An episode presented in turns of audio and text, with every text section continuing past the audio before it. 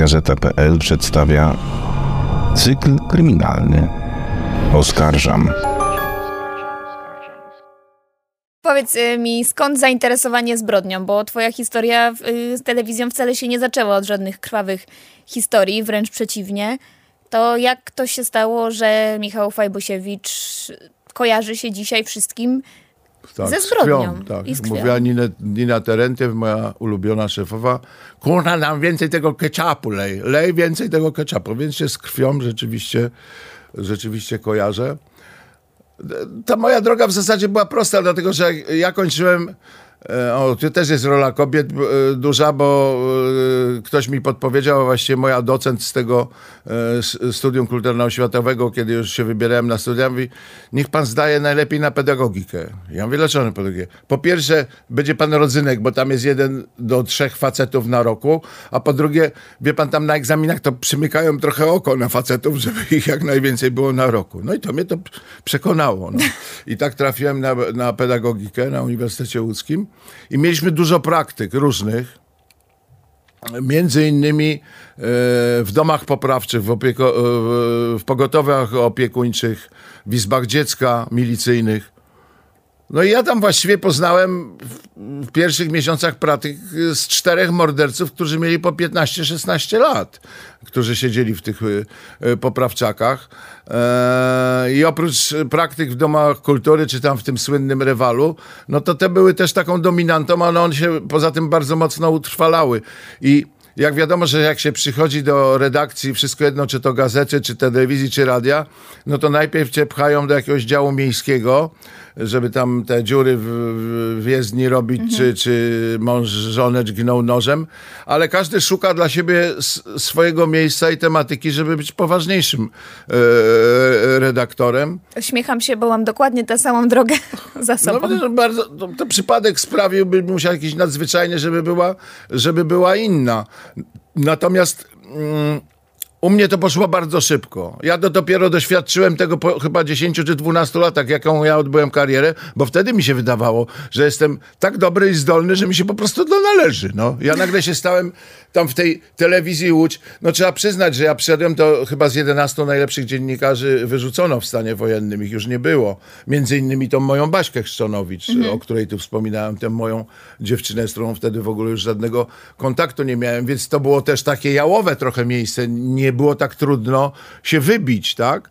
E, Ale widocznie no, miałem predyspozycję, nosa, e, trochę talentu. No, No dzisiaj jak, jak komuś opowiadam, że ja po trzech miesiącach pracy miałem reportaż 31-minutowy w jedynce w TVP e, w programie e, Sprawa dla reportera. Nie, to nie była sprawa dla reportera. E, zawsze po 21 to się nazywa. Halina Miroszowa między innymi e, nieżyjąca już chyba e, prowadziła ten magazyn. No to nie chce mi nikt uwierzyć, że to jest możliwe. Mnie się wydawało, że jest, bo jak ten mój gruby naczelny zobaczył ten reportaż na stole, a był zrobiony od początku yy, do końca na lewych papierach, na pożyczonej taśmie. Po prostu bohatera takiego znalazłem, jak to przez przypadek. Je, jechałem taksówką yy, yy, w Łodzi i już byłem po tych trzech miesiącach rozpoznawalny, bo codziennie się pokazywałem w programie na żywo z jakąś tam tematyką. Miałem jakieś swoje rubryki stałe i tak dalej. Codziennie na inny temat. Już byłem rozpoznawalny, a poza tym, no wtedy to nie trudno było być rozpoznawalnym, jak były dwa kanały.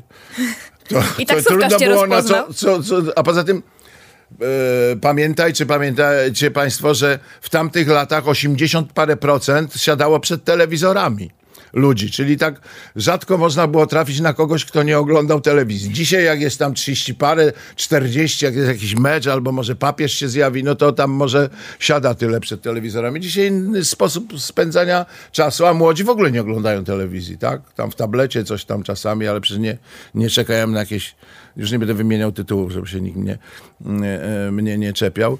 E, Także to mi urturowało natychmiast drogę. Jeszcze ta pani Miroszowa mówi, pan takie fantastyczne rzeczy robi, czemu pan tak rzadko do Warszawy przyjeżdża?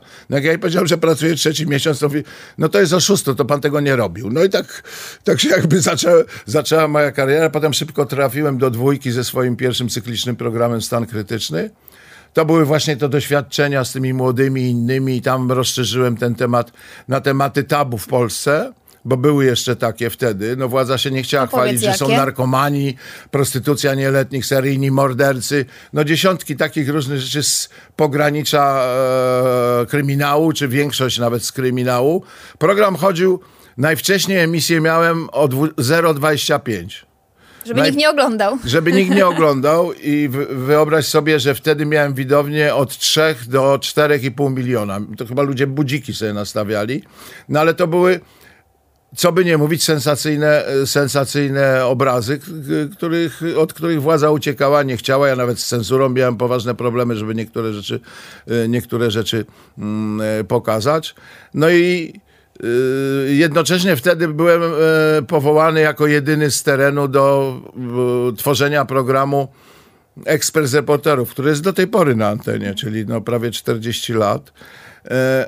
I szefem tego Ekspresu Reporterów został e, jeden z dyrektorów z ośrodka w Łodzi, a wtedy nie było internetu, przychodziły tylko listy. No i przez to, że ja pracowałem w tej telewizji Łódź, już byłem dobrze zapowiadającym się reporterem, to Wszystkie listy ja dostawałem. Tysiące listów. Oczywiście po drugim od- od- zdaniu y, odkładałem i y, zostawiałem te, co mnie interesuje, żeby doczytać. Ale od widzów, tak? Listy od, Od widzów. telewizów do tego programu. No nie do mnie, tylko do tego ekspresu reporterów, który ruszył. Mieliśmy korespondenta w każdym, y, w każdym ośrodku.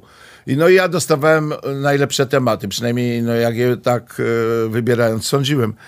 E, No i tak się zaczęła moja kariera reporterska mm, e, przy okazji tego stanu krytycznego, który się ukazywał raz, raz w miesiącu. W sumie zrobiłem około 90 reportaży do Ekspresu Reporterów.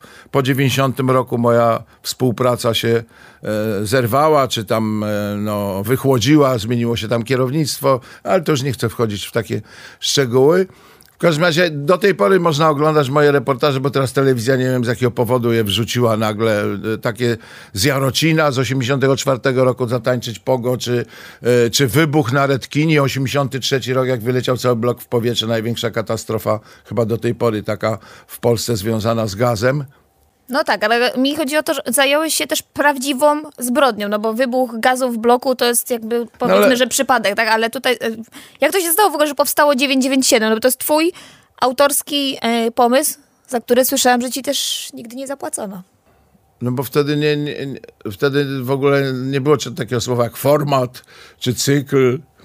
To może w gazecie ktoś pisał, ale nie było od strony finansowej czy ekonomicznej takiego nazewnictwa, więc nie było zwyczaju płacenia. Poza tym, jak ja ruszyłem z 997, myśleliśmy, że z 2-3 odcinki się tam ukażą i nie będziemy tego robić y, prawie 30 lat, tak? E, na antenie.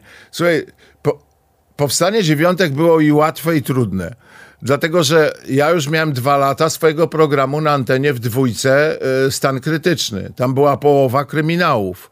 Natomiast dobił mnie ten cholerny ekspres reporterów, do którego machałem tych kawałków no po dwa, trzy w miesiącu. A, jeszcze jeden program doszedł, ja zupełnie zapomniałem.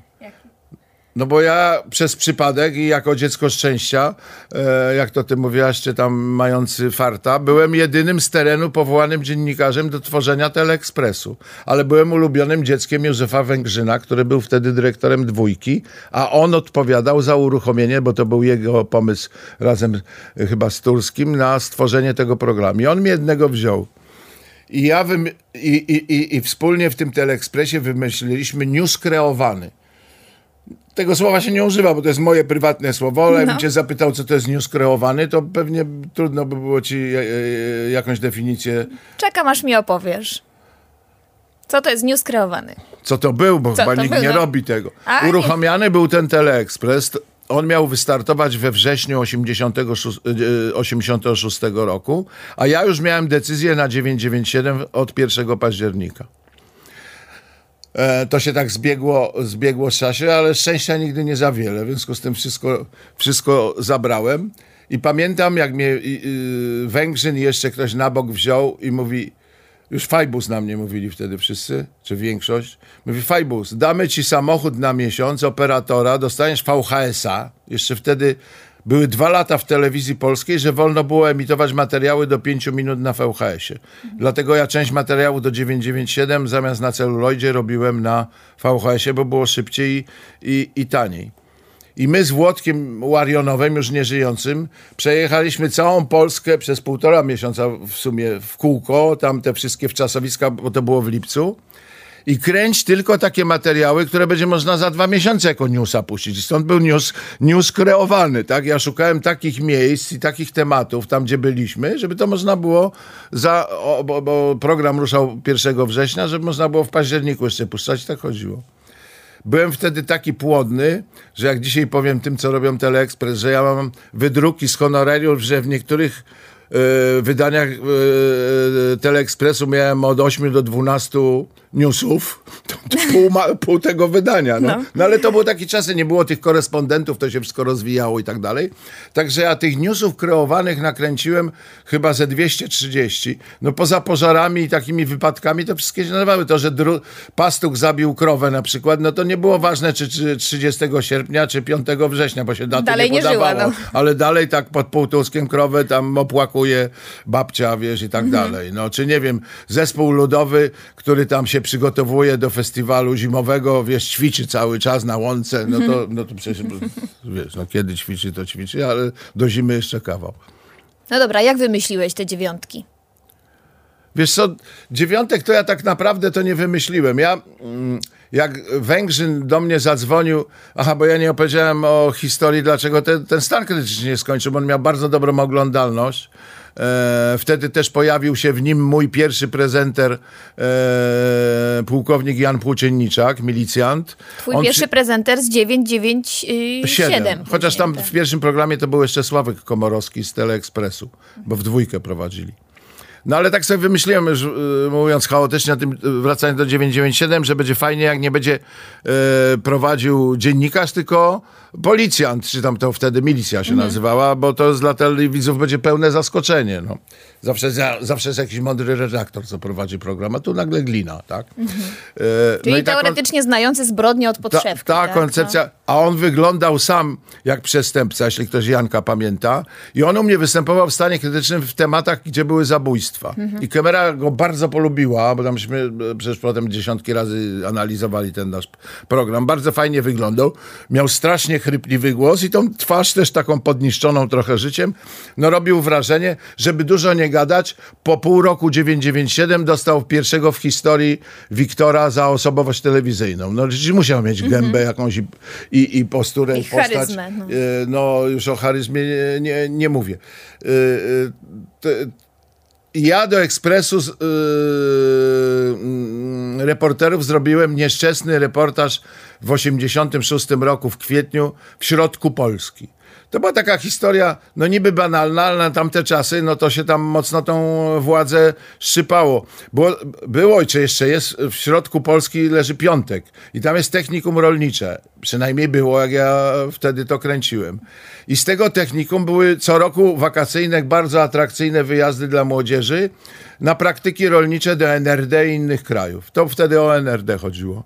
I ja dostałem list od jednego nauczyciela, chyba Wilk się nazywał, jeśli ja dobrze pamiętam, który mi opisał całą historię tych praktyk yy, w tym NRD. Zaczęło się od tego, że mm, na nie wyjechały chyba tylko trzy czy cztery osoby z, z, tych uczniów, a reszta to dzieci jakichś pierwszych sekretarzy, naczelników gmin i tak dalej. No. E, wiekowo tylko pasowały do, do, do rolnictwa, pewnie miały duży dystans. No i tego typu chucpy tam były, ale Dopełnieniem tego wszystkiego było, że Wołgą pojechał na wizytację y, kurator oświaty z, Płocka, bo to były jeszcze wtedy te małe województwa, mhm. to były 80. lata.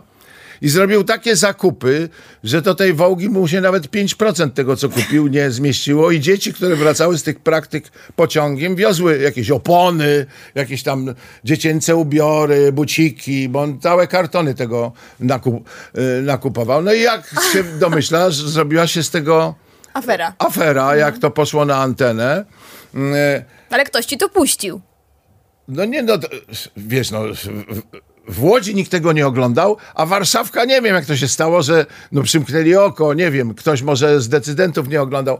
Finał był tego, finał był tego taki, że na drugi dzień Torbicka się pokazała o 21 wieczorem i przepraszała w imieniu y, kanału drugiego i całej TVP za nierzetelnie zmanipulowany i tak dalej reportaż, który przygotował Michał Fajbusiewicz. I no, jak przyszedłem do, rano do telewizji, to mi portier kazał do dyrektora od razu iść. No i dyrektor mi powiedział, że mi się schował. I, i uratuje go tylko jedno, jak jego nie ruszą. Ale jak jego ruszą, cokolwiek mu się stanie, to, To to on mnie dyscyplinarnie zwolni. I ja się tak chowałem ponad rok. To, nie, to był 85 rok z tym, z tym. Ja tak ponad rok się chowałem i wtedy się znalazł człowiek bardzo mi przyjazny, Ryszard Bójko. On był zastępcą w dwójce. Ja go w ogóle nie znałem. I zaprosił mnie do Warszawy i mówi, pan musi jakoś przeżyć, może to się wyciszy, może pan wróci. I dał mi cztery zlecenia. To jest niebywała rzecz w ogóle. Cztery zlecenia na filmy dokumentalne. In blanco. Powiedział, pan scenariusze wypisze i do, dowiezie do Warszawy. Ale musiałeś coś kręcić, czy to po prostu było tak, No żeby nie, no jak, no, zapłacić? że, no, żebym dostał te pieniądze, to musiałem coś nakręcić, no. Przynajmniej napisać scenariusze, żeby za scenariusz dostać. Ja w zasadzie wszystko nakręciłem, tylko nigdy nic nie pokazałem.